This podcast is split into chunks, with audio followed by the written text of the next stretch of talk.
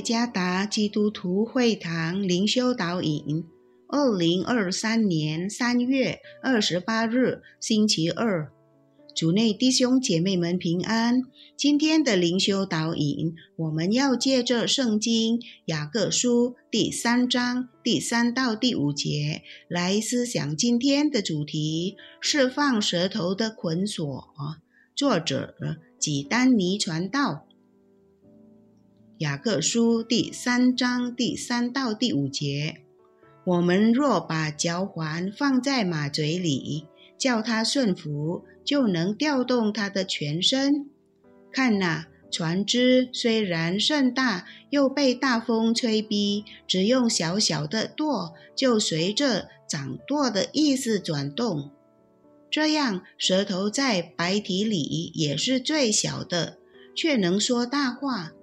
看呐，最小的火能点着最大的树林。有一个做父亲的和他的儿子牵着马走，因为父亲很疼爱儿子，所以决定让儿子骑在马背上，自己牵着马走。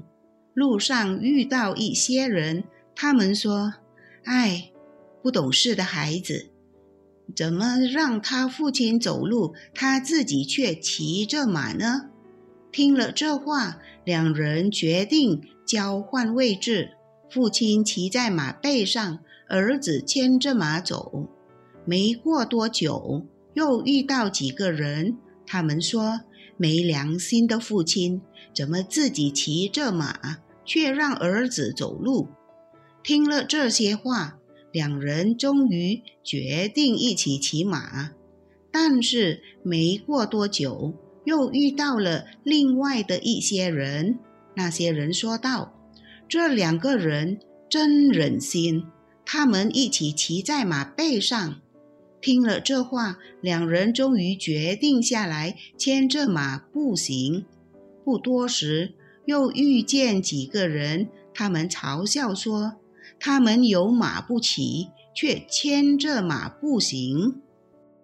从这个故事，一方面我们可以知道，做人有坚定的原则是多么重要；另一方面，也可以看到舌头的力量有多大。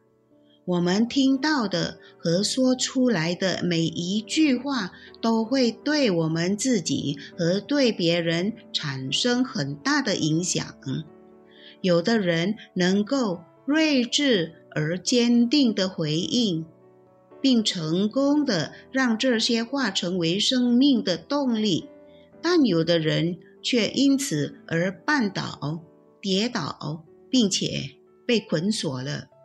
有许多人拥有让文明进步的大潜力，却呈现在别人评论的捆锁中。